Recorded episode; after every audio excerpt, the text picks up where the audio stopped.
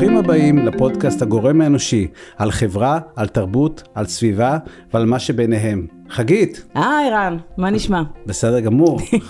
חגית, אנחנו מדברים הרבה על הבעיות, נכון? נכון. ועל הצורס, כמו שאומרים מדברים בתימן. על הצורס ואיך הן קשורות אחת לשנייה ומה עושים.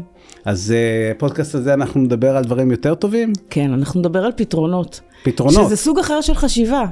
מה זאת כי- אומרת? זאת אומרת שאנחנו אה, מת, מתעמקים הרבה בבעיות, ומה גורם להם, ואיך הקשר ביניהם, ואיך זה נהיה עוד יותר גדול לבעיות.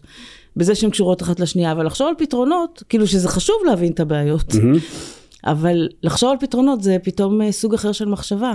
נכון. אז אה, יש גם אומרים שלפעמים גם בפתרונות יש בעיות. אני יודעת, אתה אומר את זה.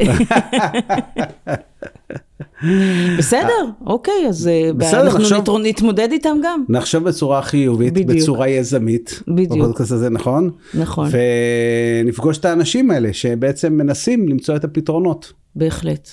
כאן באולפן, ערן בן ימיני. וחגית גרובגלס.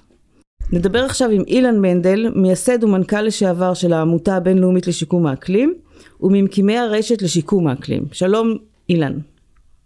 היי, שלום חגית, שלום ערן, מה שלומכם? בסדר גמור. אה, אנחנו, אני מבינה שאתה הגעת לעולם הסביבתי בעצם מעולם אחר, אתה יכול קצת לספר לנו על זה? על, ה, על הטרנספורמציה הזאת שעברת? כן, בטח. ה- הרקע שלי הוא רקע טכנולוגי, אני איש הייטק עם תואר במדעי מדעי המחשב. אמ, אחרי התואר עשיתי רילוקיישן לעמק הסיליקון, אה, והרבה שנים התעסקתי בתחום הזה של אה, מערכות מידע והקמת מערכות אה, ואינטגרציה של מערכות גדולות. אמ, והגעתי לתחום הזה של שיקום האקלים, כי הבנתי ככה גם תוך כדי התהליך האישי שלי וגם מהייתי אבא, כן. אה, הבנתי ככה שהעולם לא עובד אה, בצורה אופטימלית, ואני כאיש מערכות אה, אמרתי בוא נראה איך אפשר לשדרג את אה, מערכת ההפעלה של החברה האנושית, שהיא תעבוד יותר טוב, שיהיה פחות באגים. אוקיי, אמ, זאת אומרת, השאלת ו- את הראייה המערכתית מעולם ההייטק לעולם האמיתי. כן, בדיוק. אה, הבנתי שבמידה מסוימת אה, משבר האקלים הוא סימפטום של המערכת הזאת ששירתה אותנו יפה במשך הרבה מאוד זמן, אבל היום היא לא מתפקדת כל כך טוב. כן, אמ, ואז אה, אה, אה, ככה הכרתי את התחום הזה של ה-SDG, של ה-Sustainable Development Goal של האו"ם, את הסכם פריז, ומשם הבנתי שבאמת הלב של העניין, הטריגר, הדבר שיכריח אותנו לצאת מאזור הנוחות שלנו זה הנושא של האקלים, בעיה גלובלית, והפתרון לבעיה הזאת חייב להיות גלובלי, וזה משהו שאנחנו עוד לא יודעים איך להתמודד איתו כרגע. אה, אתה יודע, שאומרים אקלים, הרי זה נושא לא קטן, נכון? אה, נכון. אה, אז מה, מה בעצם, מה העמותה שלכם עושה? מה, מה ההתמודדות שלה עם משבר האקלים? אז אני אגיד קודם כל שאני כבר לא שם, אני עברתי לישראל ופה באמת אנחנו מקימים את, ה, את הרשת לשיקום האקלים שמתעסקת בפתרונות הפרקטיים. מהמם. אה, העמותה, כשהיא הוקמה, כל הנושא הזה של שיקום האקלים לא היה, לא היה במודעות. אה, ורוב האסטרטגיה להתמודדות עם משבר האקלים התמקדה באדפטציה, בהסתגלות ובמיטיגציה, אה, להפחית את הפליטות כדי אה, להוריד את רמת הסיכון. אמ, האמת היא שאת הרכבת הזאת אנחנו כבר איחרנו לפני לא מעט שנים, והיום כבר יש מעל טריליון טון של אה, CO2 באטמוספירה, מעל ה baseline של לפני המהפכה התעשייתית. אה, וגם אם נפסיק את כל הפליטות מחר בבוקר, הגזים שכבר נמצאים באטמוספירה ימשיכו לחמם את כדור הארץ. אה, ואין לנו סיכוי להישאר מתחת ליעד הזה של 1.5 מעלות. אה, אז המסקנה הייתה שאנחנו חייבים לקדם את התחום הזה של שיקום האקלים. קודם כל לשים לעצמנו כמטרה אקלים בריא ובטוח, לא לנסות להתחמק מהתוצאות הכי גרועות, אלא להעניק לילדים שלנו ולדורות הבאים אקלים בריא ובטוח בעולם שאנחנו גאים בו. אה, אז הדבר הראשון היה לייצר את ההבנה שזאת המטרה שאנחנו רוצים. אה, והדבר השני זה באמת להעיר, לה- להרים את כל התחום הזה של קיבוע הפחמן, אה, שלפני כמה שנים היה עדיין ככה לא ידוע, אבל היום זה כבר ברור שאנחנו צריכים אה, אה, את היכולת לקבע אה, אה, מיליארדים של טונות של אה, CO2 בשנה, בשביל ככה להתחמק מהמשבר הזה. אז אתה בעצם, אני אומר בקצרה, בעצם אתה מייצר את הרגל השלישית. אתה אומר, נכון. יש, יש, יש מניעה, יש היערכות, הסתגלות, ויש גם את, שיק... את הנושא של השיקום. בדיוק, בדיוק, וזה תחום שיותר ויותר אנשים מבינים את הצורך שבו, הצורך שלו, ככל שאנחנו מתמהמהים בהשגת היעדים של, ה, של הפחתת הפליטות וכן הלאה, הצורך בתחום הזה הולך וגדל. ואפילו אם אנחנו חושבים על זה באספקט הכלכלי, מדובר פה על טריליון טון של CO2 באטמוספירה, שכבר היום מדינות ותאגידים מוכנים לשלם עשרות ומאות, אפילו מעל אלף דולר לטון של פחמן מקובע. Mm-hmm. אז מעבר לצורך הקיומי, יש פה גם הזדמנות עסקית. פוטנציאל כלכלי. כן, כן, ובגלל זה באמת הרשת לשיקום האקלים היא תחבר גם את ה... את הפוקוס על האימפקט ואת הפוקוס על ההזדמנות העסקית כדי שנוכל לשלם בשביל התהליכים האלה של הקיבוע. אז רגע, אז אילן, אילן, למי שפחות בעניינים, אני רוצה לשאול אותך, איך אתה מקבע פחמן? שאלה מצוינת, תודה ערן. אז בגדול אפשר להסתכל על זה כעל שני תחומים עיקריים, אחד זה קיבוע פחמן בעזרת תהליכים טבעיים. הטבע יודע לעשות את זה ועשה את זה במשך מיליוני שנים. כמובן לא בקצבים שאנחנו צריכים, אז אנחנו רוצים לעזור לטבע לשקם את המערכות האקולוגיות בים וביבשה. דרכים טבעיות, אתה מתכוון נטיית עצים? כן, כן, בגדול התהליך שבו הטבע, כן, התהליך שבו הטבע מקבע את הפחמן זה תהליך של פוטוסינתזה. כן. אז גם עצים, גם כל הנושא של חקלאות. מקיימת ומחדשת וחקלאות ימית, כן. ביבשה, וגם חקלאות ימית, אצות, זה, זה אוקיינוס כחול, תרתי משמע, כן. והתחום הזה של גידול אצות, שהוא תחום שהוא יחסית גדול, אבל הוא ממש בחיתוליו, אני חושב שהוא יהיה תחום מרכזי שככה האנושות תיכנס אליו בעשור הקרוב, כי מעבר גם לנושא הזה של קיבוע פחמן, הנושא של האצות, יכולות לפתור הרבה בעיות בנושא של ביטחון תזונתי, בנושא של תחליפים לתעשיות מזהמות, תחליפים לבשר, תחליפים לדשנים, תחליפי פלסטיק, חומרי בנייה וכן הלאה וכן הלאה. זה הצד הביולוגי, הצד הטבעי. אוקיי. Okay. הצד השני של קיבוע פחמן זה הצד הטכנולוגי. אנחנו כבר יודעים מזמן איך לקבע פחמן, איך לתפוס את הפחמן שבאוויר באמצעים מכניים וכימיים וכן הלאה. איך, איך, תופסים, משתמש... איך תופסים את הפחמן באוויר? יש דוגמה עכשיו של מפעל שנקרא אורקה, שעכשיו נכנס לפעולה okay. אוקיי. באירופה, כן. שהוא פשוט שואב את האוויר דרך מאווררי ענק, מוציא משם את הפחמן דרך איזשהו תהליך כימי. במקרה הזה הפחמן נטמן בעומקי האדמה כדי שהוא יישאר שם הרבה מאוד שנים, אבל במקרים אחרים אפשר לקחת את הפחמן הזה ולעשות ממנו מוצרים מועילים. אנחנו, כמעט כל המוצרים שאנחנו משתמשים בהם, מאנרגיה למזון, לחומרי בנייה, הם מבוססי פחמן. פחמן. כן, והפחמן הוא אותו פחמן, זה לא משנה אם אנחנו לוקחים אותו מהאדמה או לוקחים אותו מהאטמוספירה, זה אותו פחמן. אתה אומר, אתה אומר, הפחמן הוא בעצם, אתה הופך אותו למשאב, כן? מי בעצם, אבל, אבל, אבל, אז, אבל שאלה, באמת השאלה, קודם כל, שאלה אחת, אני שומע סקפטיות מכיוונים שונים לגבי הטכנולוגיה הזאת. אתה יכול להפריך אותה את הסקפטיות הזאת? כן, הטכנולוגיות האלה כבר קיימות, הן נבדקו בתנאי מעבדה, הן נבדקו בתנאי שוק. הטכנולוגיות קיימות, העניין זה לא הפתרון הטכנולוגי, העניין זה איך אנחנו מטמיעים את הטכנולוגיות האלה בקנה מידה רחב, גלובלי, בקצב מאוד מאוד מאוד מהיר. ובגלל זה אני, אני לא רוצה להיכנס לפרטים כי אנחנו כרגע רק בתחילת התהליך, אבל אנחנו מקימים פה את המאיץ לשיקום האקלים שיעשה בדיוק זה, יבדוק את ה... ייקח את הטכנולוגיות הקיימות ופשוט יאיץ אותם, יאיץ את ה-time to market ויאיץ את ה-time to impact. הבנתי. טוב, אילן, מרתק, אופטימי, מעודד, ואני בטוח שיהיו הרבה אנשים שירצו להצטרף למסע שלך.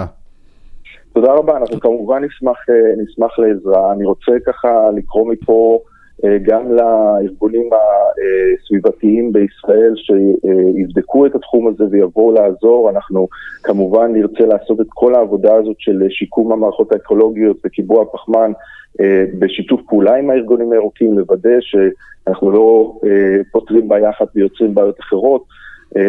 ויש לנו חזון שהייתי רוצה לשתף פה עם המאזינים, שבעזרת קיבוע הפחמן במקביל להורדת הפליטות, אני מאמין שישראל יכולה להגיע לנט זירו עד 2030, ובככה באמת להיות אור לגויים ולהוביל את הדרך וגם לייצא את הטכנולוגיות ואת הפתרונות האלה לשאר העולם. 20, 20, 30, שיהיה לנו המון המון בהצלחה. זהו, 20-30 זה עוד uh, פחות מתשע שנים, זה באמת מאוד אופטימי. כן, כן, ואילן, אילן, תודה באמת שהוצאת אותנו מהקיבעון המחשבתי, והובלת אותנו לקיבוע כן. הפחמן. בהחלט, תודה רבה, ביי תודה ביי. לכם. תודה. להתראות, ביי. חגית, אה, בסך הכל רעיון נשמע טוב מאוד, נכון. מצוין. אינשאללה, שאפשר יהיה ליישם את כל הרעיונות האלה. הוא אה. נשמע מאוד בטוח בעצמו, לא? הוא נשמע בטוח בעצמו, ואולי יש לו סיבה טובה להיות בטוח בעצמו, אבל אני חושבת שעצם המחשבה של לא כל הזמן רק להצביע על הבעיות בלייזר ולנתח אותם, אלא גם להגיד, אוקיי, עכשיו בואו נת... בוא נחליף סט, נחליף צד, וננסה למצוא את הפתרונות, זה, זה כבר צעד קדימה. אני בעדו, אבל אה, תמיד יש לי איזה חשש מהאופטימיזם הטכנולוגי הזה. אני יודעת. התפיסה הזאת שהטכנולוגיה תפתור לנו את כל הבעיות, ואחרי זה מגלים שהיא מייצרת לנו בעיות בעיות, חדשות. חדשות. יש תמיד את החשש הזה, כמו, את יודעת שלפני 200 שנה הבעיה הסביבתית מספר אחת בלונדון היה הגללים של הסוסים, ואז אמרו שיהיה מכונית, כן. אז ואז לא יהיה לפתור את כל כן. הבעיות של הגללים כן, של פנטסטי. הסוסים. אז תמיד יש נכון. את המחשבה הזאת, אבל אה, נכון. אני- אני איתו, אני בעדו. נכון, זה פנטסטי, אבל מצד שני אי אפשר רק להסתפק כל הזמן במניעה, ול- לא, והמחשבה לא, של למצוא אני- פתרונות אני חושב, היא... הוא גם צודק בקשר לקצב, כן. אה, אבל אה, אנחנו, הדובר הבא גם נשאר בתחום הפתרונות, נכון. אה, רק שלדעתי הוא יותר במניעה, אבל בתחום מאוד מאוד מעניין שזה המזון, תעשיית המזון. אחד התחומים שיש לי הכי הרבה חולשה אליהם. נדבר עכשיו עם ניר גולדשטיין, מנכ"ל GFI, Good Food Institute, שזוהי העמותה שמקדמת חלבון חליפי. אני הצגתי אותך נכון, ניר? מעולה, אהלן ערן, חגית. מה שלומך? אהלן, אהלן. שלומי טוב, אה, הרבה דברים לעשות, ויש לנו אתגר אקלים לפתור. נכון. ניר, אה, אתה כמו הדובר הקודם שלנו, אילן מנדל, אה, לא הגעת מהעולם הסביבתי, נכון? ברקע ש... אה, מה זה, כולנו מגיעים מעולם סביבתי. לא- מה, מה עשית לפני שעסקת בחלבונים? בהכשרה שלי אני עורך דין בתחום הפטנטים, בשנים הראשונות עסקתי בייעוץ אה, אסטרטגי עסקי לחברות, לממשלה. לסטארט-אפים.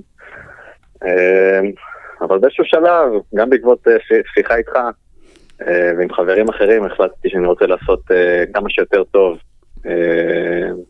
אה, וחיפשתי בעצם מה האתגר הכי משמעותי שאני יכול אה, לתרום בו. בדיוק אז זה התחילה להתעורר יותר המודעות למשבר האקלים במעגלים שאני הייתי בהם. מהמם. והבנתי בעצם את האתגר העצום שדווקא תעשיית המזון, אה, ויותר ספציפית המזון מהחי, אה, מציבה לאנושות. זה ככה אתגר שחשבתי שאני יכול לתרום בו. אה, תראה, רובנו יודעים מה, מה הבעייתיות עם מזון מן החי, אבל אולי אתה יכול ככה אה, בכמה מילים להסביר את הבעייתיות הזאת?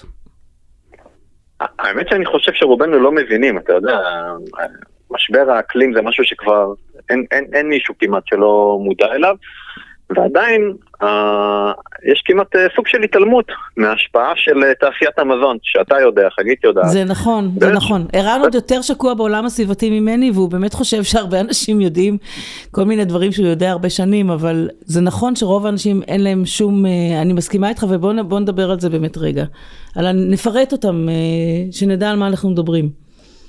על, על הנזקים. אז, אז קודם כל, אנחנו יודעים שבערך אה, 30% מפליטות גזי החממה מגיעות מסקטור המזון, שזה המון, אה, יותר ויותר, אה, כמובן שיותר מתאן, ובערך בין 14 ל-20% מפליטות גזי חממה מגיעים מסקטור המזון מהחי, שזה יותר מכל התחבורה האנושית, מטוסים, רכבות ביחד. נכון, עכשיו ה- הגזי חממה האלה זה, אנחנו מדברים על הבקר, על פליטות של, אה, של אה, פרות בעיקר, בעצם? כן, ההשפעה של הבקר היא לא פרופורציונלית, אבל משבר האקלים זה לא רק אה, גזי חממה, יש נכון. לנו פה גם אסון אקולוגי, ותעשיית המזון מהחי היא גורם מספר אחד לשימוש בשטחים חקלאיים, מעל 70 אחוז, שמהווים חשבון כ-30 אחוז מהשטח הקרקעי. על חשבון אה, שטחים טבעיים בעצם, פתוחים. גם, וזה באופן הולך וגובר בהחלט, על חשבון למשל יערות הגשם, שאנחנו יודעים שהיום שורפים אותם, בין אם זה באמזונס, בין אם זה במקומות אחרים, ומפנים אותם לרוב במעל 90 ומשהו אחוז מהמקרים בשביל לגדל שם בקר, נכון, או אוכל להאבסת בקר, בהחלט. כן. זה גם נכון בעולמות של מים, של אנטיביוטיקה. גם אה, צריכת הבשר עלתה בצורה מאוד משמעותית נאמר 50 שנים האחרונות, אני טועה? כן, אנחנו, היום אנחנו אוכלים פי חמש, האנושות צורכת אה, פי חמש יותר בקר, זה בגלל העלייה בתוחלת החיים, באיכות החיים, בכמות בני האדם, ולפי האו"ם עד 2050 אנחנו נאכל פי שתיים יותר מזון מהחי, לעומת אה, מה שאנחנו אוכלים כרגע, אבל כדור הארץ והמשאבים שלנו הם, אה, הם נשארים סטטיים. אה, ולכן אנחנו צריכים, אה, הבעיות פה הן אדירות, באמת אדירות, מהמם. אנחנו, זה שאלה ככה נפרדת, אה, למה אין להם מספיק תעודה בעולם הסביבתי, או בכלל בכל מי שנוגע במשבר האקלים, מהמם. אבל מה שבטוח זה שהאתגר שתעשיית המזון מייצרת לנו הוא אדיר, ואנחנו צריכים פתרונות פרקטיים, ואנחנו צריכים אותם עכשיו. תגיד, ואיזה פתרון אתה מציע? בעצם אנחנו אומרים, אה, הרעיון בקצרה אומר שהאנושות מודעת לאתגרים שתעשיית המזון מהחי מציעה, אה, מייצרת, מהמם. אבל מצד שני נורא קשה ל- אה, לשנות את הרגלי ה- ה- ה- הצריכה שלנו של מזון. זה משהו שהוא אה, נורא אישי, ואנשים מיד נדרכים כשאתה אומר להם שמשהו באיך שהם אוכלים או מבשלים, אה, הוא- בעייתי מבחינה סביבתית. ולכן, למרות שהאנושות יודעת את הבעיות, אנחנו לא רואים שינוי משמעותי בתעשיית המזון, אלא להפך, כמו שאתה ציינת, רק החמרה צפויה. מהמם. מה שאנחנו בעצם מציעים זה לתת אה, לצרכן את אותם מזונות שהוא רוצה לקבל, פשוט לייצר אותם בצורה אחרת, אה, ובמקרה של מזון מהחי אנחנו קוראים לזה חלבון אלטרנטיבי, בעצם לייצר בשר, ביצים, חלב, דגים, בשיטות טכנולוגיות אה, חדשות, כמו אה, תחליפים מהצומח או בשר מתורבת. איזה שיטות יש? אז יש אה, ספקטרום אדיר של שיטות שרק הולך ומתפתח, אנחנו יכולים לקבץ אותם לכמה.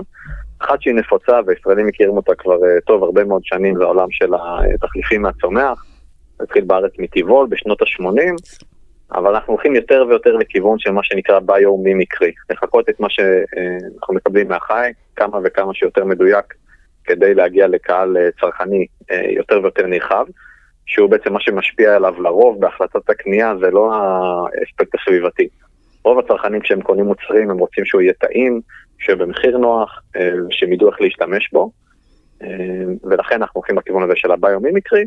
אנחנו רואים את זה היום בארץ בעולם של הגבינות והחלב, שבערך אה, 15% משוק החלב הישראלי הוא כבר חלב צמחי, ורוב האנליסטים חושבים שזה יהיה כבר אה, חצי משוק החלב בשנת 2030. וואו. אה, אנחנו רואים את זה יותר ויותר. זה מעודד מאוד. זה משמח. אה, אני, אני, גם רואה, אני גם אפשר לראות שהתעשייה הזאת יש לה קצב אה, צמיחה מאוד מאוד מאוד גדול. אתה יכול לתת מספרים? כן, לגמרי. אנחנו שוק בעצם בישראל, שישראל היא מדינה יחסית פורצת דרך בקטגוריה הזאת, שוק החלבון האלטרנטיבי, התחליפים, צמח בקצב של פי 13 משוק המזון מהחי, פי וואו. 13 וואו. בשנת 2020. אה, גם בהיבטים של השקעות זה בעצם התחום הטכנולוגי שצומח בקצב הכי מהיר בישראל. מ-2018 עד עכשיו השוק הזה בערך משלש את עצמו כל שנה, והשנה אנחנו נחצה לראשונה כנראה את רף המיליארד דולר השקעות בסטארט-אפים בישראל. רק בישראל. זהו, ש- שצריך להגיד, ישראל מעבר להיבט של ההובלה בצריכה, מה שבאמת מעניין בישראל בשוק הזה זה ההובלה שלה בעולם של המחקר האקדמי, אוקיי. החדשנות, הסטארט-אפים וההובלה של הממשלה אה, והקידום שלה את התחום. מהמם. תגיד, יש לזה גם רווח אה, אה, מעבר ל... לרווח הישיר האקלימי? הכספי. אה, מבחינת משאבים או היבטים סביבתיים אחרים? חד משמעית. אה, תראה, בעצם יש פה ספקטרום אדיר של מוצרים וכל אחד עם המאפיינים שלו, ואנחנו בעצם רואים היום יותר ויותר חברות שמבצעות מחקרים אה, LCA, Life Cycle Assessments, אה, מה שנקרא. אנחנו רואים שלרוב במוצרים מהצומח יש חיסכון של מעל 90% בפרמטרים של מים, אה, פליטות גזי חממה, שטח וכולי. לישראל כמדינה זה מאוד עוזר גם בהיבטים של קידום ביטחון מזון לאומי. אנחנו רואים Mhm. שבעיתות משבר אנחנו מדינה שנסמכת על יבוא. אנחנו כן. מעל 90, מעל 80% מהבקר אנחנו מייבאים. מהמם, מה קורה כשקווי האספקה האלה אה, נסגרים, ראינו את זה גם בקורונה.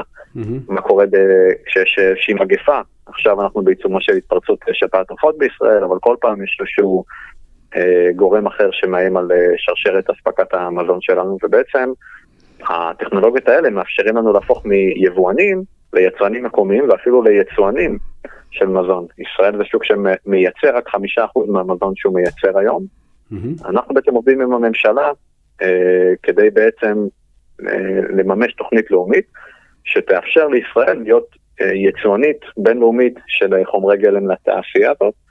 והתוספת הניכרת כאן זה גם במקומות עבודה. השוק הזה יכול להביא לישראל עוד מעל 50 אלף מקומות עבודה ולהכניס למד- למדינה אה, עשרות מיליארדים אה, של שקלים כהכנסות. אז יש פה ווין ווין מכל מיני כיוונים. אז אה, תשמע, זה נשמע מצוין, אני, אני איתך.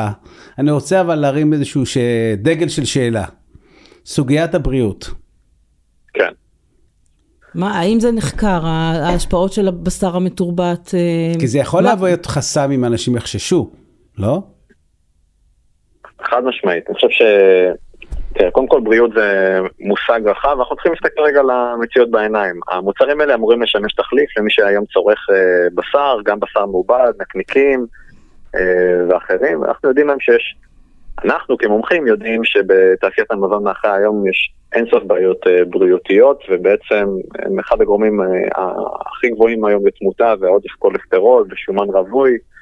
בתעשיית הביצים הישראלית יש לנו ליסטריה וסלמונלה, כלומר בהיבטים של בריאות הציבור, המעבר מייצור מזון שנסמך על החי, עם כל האתגרים שקשורים בכך, של אה, הפרשות ומחלות, הורמונים, 75% הורמונים, תרופות. כן, נכון, נכון. כן, כן. לפי האו"ם, מסיבת המוות מספר אחת בעולם ב-2050 תהיה חיידקים עמידים לאנטיביוטיקה. ואנחנו היום מייצרים את החיידקים האלה במו ידינו, כשאנחנו נותנים לבעלי החיים 73% מהאנטיביוטיקה בעולם, בישראל זה כבר מעל 80. אז בריאות זה מושג מאוד מאוד רחב, אנחנו צריכים להסתכל על המערכת בצורה אה, מורכבת, רחבה. עכשיו, ספציפית עדיין, לגבי העולם עדיין של ה- התחליף, זהו, עדיין התחליף צריך להיות יותר בריא מה, ממה שיש היום. נכון, עכשיו תראי, התזונה הים תיכונית המומלצת, היא כבר היום אנחנו יודעים שתזונה צמחונית, או גם טבעונית, היא מאוזנת, היא יודעת לתת לנו את כל מה שאנחנו צריכים מבחינת צריכת חלבון ומזונות אחרים. הבעיה היא מה אנחנו עושים עם התאווה העצומה של האדם, של האנושות, לצריכת בשר, ואיך אנחנו מעבירים אותם לצריכה שהיא יותר אה, בריאה. כן. ואני חושב שהתחליפים הם צעד הכרחי אה, בדרך. אנחנו וגם הממשלות, יש אחריות לוודא שהמזונות החדשים שאנחנו מקבלים הם אה, בטוחים לשימוש והם אה, מבינים, ולכן אנחנו עובדים גם בין היתר עם משרד הבריאות כדי לקדם אה, מחקרים בתחום הזה שלא נחקר מספיק. כן. אוקיי, כל זמן שחוקרים את זה באמת ובודקים ומודעים לזה, אז זה חשוב. כן, אני, אני העליתי את זה, לא, אני, לא, אני, די יותר ויותר סומך באמת על התחליפים האלה, אבל את יודעת, זה כמו עם הרכב האוטומטי. נכון. האנשים, גם אם הרכב האוטומטי יותר בטוח מהרכב הרגיל, עדיין אנשים יהיו פחות סלחניים. ברור. כלפי תאונה של רכב אוטומטי. ברור. יש להם את החששות, זה שמרנות כזאת, כן? שאני שואל אותך, אני לא יודע, האם יש חשש שדבר כזה יכול לקרות עם הציבור, אה, יהיה לו איזשהו חשש מסוים, או... אנחנו עושים סקרים מסביב לעולם בדברים האלה, ואנחנו רואים שמעל 70% מהצרכנים מחכים כבר לטעום בשר מתורבת. באמת? אני יכול לתת לך כמה אנקדוטות מהזמן האחרון, אנחנו ב- לפני חודש עשינו אה, אירוע של טעימות של בשר מתורבת להנהלת ארגון המזון והחקלאות של האו"ם, של האו"ם ב- ברומא. כן. ושאלו אותי לפני, מה, אנחנו מכינים כל כך הרבה בשר מתורבת, איך אתם חושבים שהקהל שם יתנהג? אנחנו ראינו את ההנהלה של ארגון המזון והחקלאות של האו"ם, ה-FAO, אנשים שמבינים במזון, אה, מסתערים על הצלחות ולא. נשאר אה, פירוק. אוקיי. אה, והגענו גם לראשי הממשלה ולנשיא וכולם אה, מאוד מאוד נהנו. כן. אני מסכים איתך שחדשנות כמו, כמו בכל תחום, יש אנשים שחוששים מלקנות את האייפון הבא, או את הרכב, או את ה... לא, זה, אה, תח... זה, זה יותר מהאייפון הבא, זה באמת טכנולוגיה אחרת שקשורה במזון, זה משהו שיותר קרוב אה, לגוף שלך מאייפון. נכון, אני חושב שאנחנו צריכים לייצר שקיפות במערכות המזון נכון, שלנו. היום כשאנחנו נכון. קונים בשר, אין לנו מושג מאיפה הוא הגיע, מה הוא עבר, מתי פעם אחרונה החיה הזאת כן. קיבלה אנטיביוטיקה, ואיזה מחלות היו לה, וממה היא אה, מתה, ואיפה. מה שאנחנו מייצרים פה עכשיו במערכת החדשה שלנו זו שקיפות. לכן כשאת קונה בשר, את לא מקבלת עליו תווית שאומרת נכון. לך מה יש שם. למרות נכון. שיש שם קוליפורמים, ויש שם עוד הרבה מאוד דברים שאת לא יודעת, כן, פשוט בגלל שהרגולציה הזאת התפתחה לפני כל כך הרבה שנים. והנה כן. פה אנחנו מייצרים מערכת שהיא שקופה, כולל האתגרים שבה, זה אחד היתרונות. נשמע מצוין. מרתק. נשמע באמת מצוין. מרתק. מרתק תודה ו- רבה. ואופטימי. תודה לך. תודה ערן על השותפות ועל כל מה שאתם עושים, חיים בסביבה, ותודה חגית. תודה תודה לך. רבה. ביי ביי, להתראות. ביי. ביי. טוב, ניר היה אה, נהדר, אופטימי, אה, באמת אני... אה, אופטימי את ולא- המש- ולוגי, כאילו הכל ולוגי, מסודר. ואני מבין את ו- המשמעות, למרות, ויכול להיות שאני לא מבין את הציבור, נראה לי יותר פשוט פשוט להיות טבעוני. בסדר, אבל, לך אה, יותר פשוט להיות טבעוני, אבל אם זה היה כל כך פשוט, אז הרבה יותר אנשים היו טבעוניים היום. זה כמו שיש אנשים שהם אה, רזים, והם אומרים, מה הבעיה בלהיות רזה? פשוט תסגרו את הפה. כנראה שזה לא כך פשוט אם רוב האנשים מתמודדים עם הבעיות האלה. אבל יש מישהי שיש לה פתרון קצת אחר, נכון. דורית, נכון. הדוברת הבאה שלנו. נכון מאוד. אז בואו נתקשר אליה. התקשרנו לדוקטור דורית אדלר, היא דוקטור לתזונה ובריאות הציבור, ונשיאת הפורום לתזונה בת קיימא. שלום דורית. שלום וברכה. תספרי דורית. לנו קצת על הפורום. הפורום הישראלי לתזונה בת קיימא הוא ארגון, אה, ללא מטרות רווח כמובן, מבוסס על אנשי מקצוע סביב מערכת המזון, מגנטיקה של זרעים, אגרו-אקולוגיה, בריאות וסביבה, טביעת רגל אקולוגית של גידול מזון, תזונה, משפטים, ביטחון תזונתי, אישי ולאומי. אנחנו אה, למעשה אה, גוף שפועל לטובת בריאות הציבור, אין לנו ניגוד עניינים מהבחינות האלה, אנחנו לא מקבלים כספים מגורמים אה, בעלי אינטרסים בתחומים בהם אנחנו פועלים, אה, והחזון שלנו זה להבריא את מערכות המזון בישראל ובעולם. אני יכול אה, לשנייה לייצג את האזרח הישראלי ממוצע? לגמרי, לך על זה. למה צריך אתכם? אני, אני בא, אני, יש אוכל, אני לא מרגיש שום משבר, אין שום בעיות. הסופר אוכל- עמוס במח... במחירים יחסית סבירים. יש מגוון מאוד מאוד מרשים, החיים טובים. למה צריך את הפורום? אה, כדי להרכיב את המשקפיים ששם רואים את המציאות כמו שהיא, ולא, ולא דרך הפרסומות או דרך אה, כן, הסיורים אה, בסופרים עמוסי המזונות האולטרה מעובדים. כן. אנחנו נמצאים בעיצומה של אה, סינדמיה, זה שילוב של סינרגיזם ופנדמיות גם במדינת ישראל. מדובר אוקיי. okay. על מגפות ההשמנה והסוכרת שפוגעות בישראל בשיעורים מאוד מאוד גבוהים, אה, בפרט באוכלוסיות אה, במעמד הסוציו-אקונומי הנמוך. אנחנו מדברים, אה, אם בכלל האוכלוסייה כעשרה אחוז מהאוכלוסייה סוכרתית, בקרב האוכלוסייה במעמד הסוציו-אקונומי הנמוך, כ-25% מהאוכלוסייה, כל בן אדם רביעי. כל אדם רביעי? כל, כל בן. אדם רביעי סוכרתי, ואנחנו וואו. יודעים שעל כל סוכרתי מאובחן יש אחד לא מאובחן. ויש גם טרום סוכרתיים. מדינת ישראל היא המדינה אה, השנייה בשיעורי קטיעות הגפיים על רקע. סוכרת. כן? אה, אבל זה רק התחלת קצה הקרחון. וזה פן אחד של מגפת ההשמנה, סוכרת, כבד שומני, לא אלכוהולי, שאנחנו בדהירה של כל ה...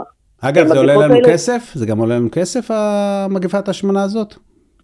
זה לא רק עולה לנו כסף, זה עולה לנו הרבה מאוד כסף וריבית דריבית. זאת אומרת, ההערכה הקודמת של עלויות ההשמנה בישראל היו סביב 6 מיליארד שקל בשנה, ההערכה המעודכנת מתקרבת לכ-20 מיליארד שקל. וואו. כשאתה לוקח בחשבון את הסוכרת, מחלות לב, אה, שבץ מוחי, חלק מהסרטן.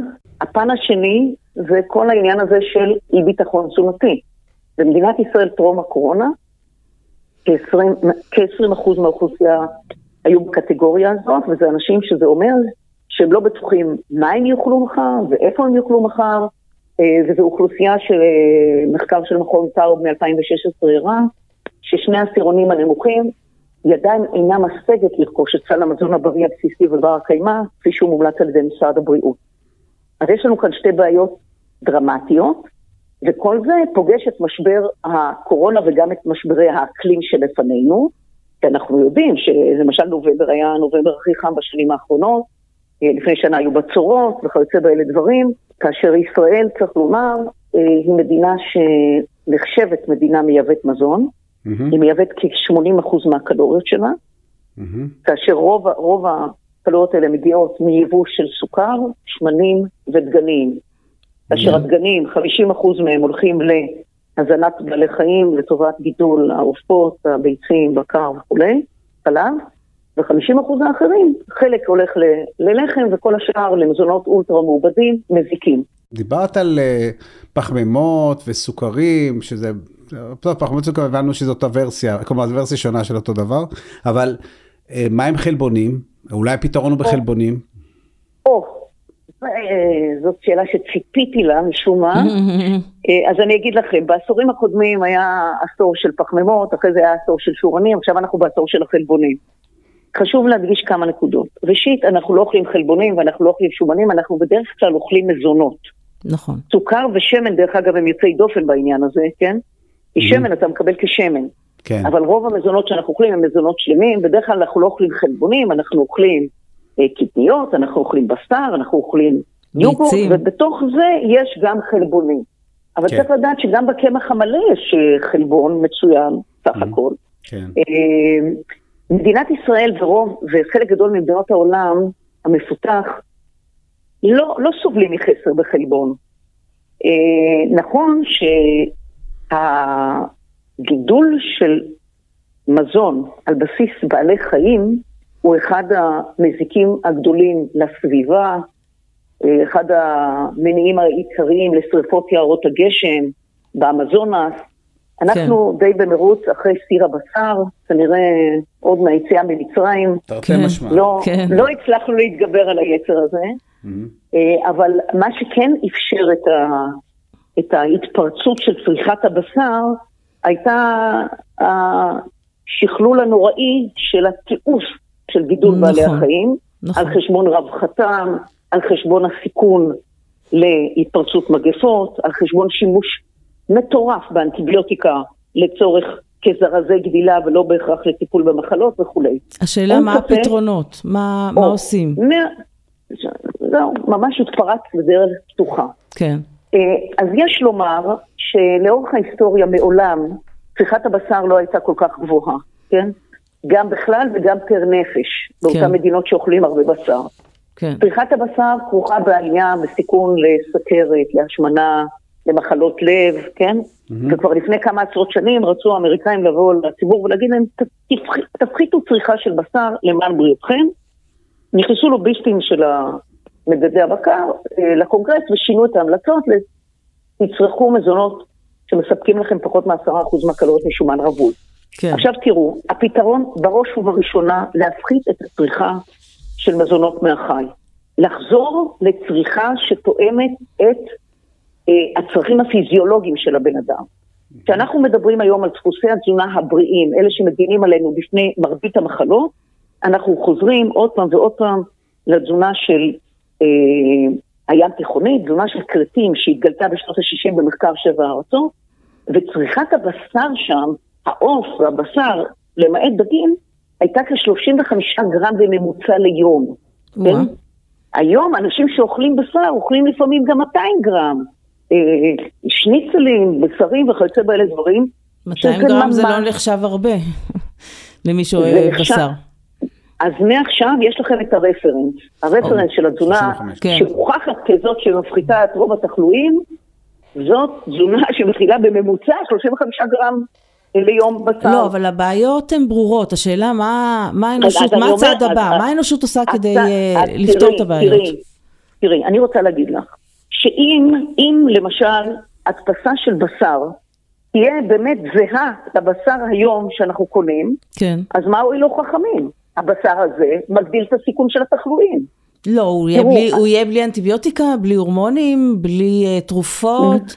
כן, אבל גם אם הוא יהיה בלי הורמונים, עדיין להרכב של הבשר יש אלמנטים שמגדילים את התחלואה שם. אבל שם אתה יכול לשלוט ינסו- באחוזי השומן, אתה יכול לשלוט ב... נכון, ואז את מגיעה לעניין שאנחנו שוב מפתחים מזונות אולטרה מעובדים, כן? אוקיי. לצערי, לצערי, עד לרגע זה, המציאות המחקרית מלמדת שהמזונות שמגינים עלינו הם מזונות שלמים, לא מעובדים, שמגיעים כן, מהטבע, כן. כן? אבל- אה, ו- והמזונות האולטרה מעובדים מגדילים את התחלואים. עוד לא מצאנו מזון אולטרה מעובד שתורם לבריאות, עוד לא מצאנו אותו. עכשיו או שלפחות לא מזיק.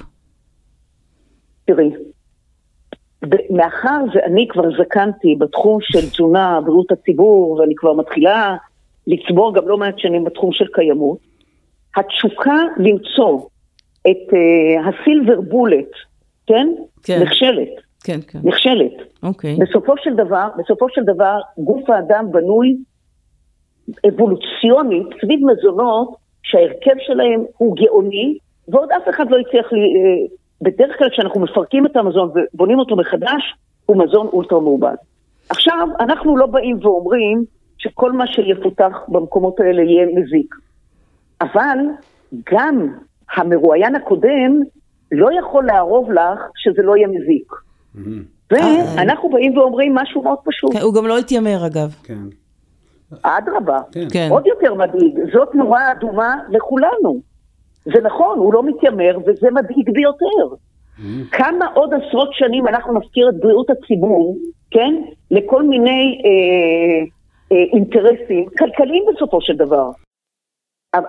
הקריאה שלנו היא קריאה מראש הממשלה, דרך נשיא המדינה, דרך כל גורם שעומד לתקצב, רשות החדשנות, פיתוח של מזונות כלשהם, להתנות שחלק מהתקציב בתוך תהליך הפיתוח יהיה מוקדש ויהיה תנאי לבחינת ההשלכות הבריאותיות והסביבתיות. אני חושבת שאין לנו את הפריבילגיה לחכות עכשיו עשר שנים כדי לבדוק מהם השלכות המזיקות של חושב, חלק ש... מהדברים. אני חושב שאם אם החוק מחייב תזכירי סביבה על פרויקטים, פרויקט, פרויקטי בנייה, אז אדרבה. צריך תזכירי סביבה גם לדברים אה, מהסוג הזה. גם תזכירי. סביבה וגם תזכירי בריאות. לגמרי. זה אני איתך בחוק. ואני חושבת שעלית פה על משהו, בדיוק זה מה שצריך לקדם. בדיוק, כמו, בחוק התכנון והבנייה, שזה מעוגן בחוק. אז צריך לעגן את זה בחוק באותה צורה. זה כל מה שאנחנו רוצים, כי אנחנו הראשונים שרוצים להפחית צריכה של מזונות מהחי. דורית, גם חגית וגם אני איתך. תודה, דורית, תודה רבה. תודה רבה על הרעיון הזה. ואני איתכם, תודה רבה חבר'ה. ביי, תודה. bye, bye, bye. bye. חגית, שמת לב, הפתרונות נהדרים, כן, טובים, כן. אבל הם גם טכנולוגיים, רובם, נכון? כן. אנחנו, אנחנו אוהבים את הטכנולוגיה. תשמע, הטכנולוגיה שיפרה את חיי האדם אה, בהרבה, זה נכון. לא אומר שפתרונות טכנולוגיים לא, הם לא היא גם טובים. משפרת וגם מייצרת דברים חדשים. שימי לב מה נכון. דורית אומרת, כן? דורית אומרת, שימו לב, אתם תייצרו אולי חלבון שהוא פחות עם טביעת רגל אקולוגית, אנחנו אבל לא בודקים את זה אפילו, ועצם הייצור, האכילה, הצריכה המוגברת של חלבון עצמה היא בעייתית. אז אני אומר, הטכנולוגיה, אני בעד הטכנולוגיה, אבל צריך להיות זהירים עם ברור, טכנולוגיה. ברור, אין ספק בכלל, אבל מצד שני, אם אפשר להיעזר בטכנולוגיה, ואם אפשר לשפר ולתקן נזקים שכבר עשינו, אז uh, בכלל המחשבה הזאת של בואו נשפר דברים בכל אמצעים. נכון, אבל לא אמצעי- לוותר על השינוי בהתנהגות, בוודאי, ולא לא, לא, לוותר על בוודאי, השינוי אבל, החברתיים. אבל השינוי ההתנהגותי והחברתי זה שינוי שייקח, זה תהליך הרבה יותר איטי, זה ייקח הרבה יותר זמן. חגית, תודה רבה. תודה רבה, ערן. עד כאן להפעם, דברו איתנו בעמוד הפייסבוק של חיים וסביבה. ניתן לשמוע את כל הפרקים של הפודקאסט באתר חיים וסביבה ובכל פלטפורמות הפודקאסטים המובילות. תודה על ההאזנה להתראות, להתראות, ביי ביי.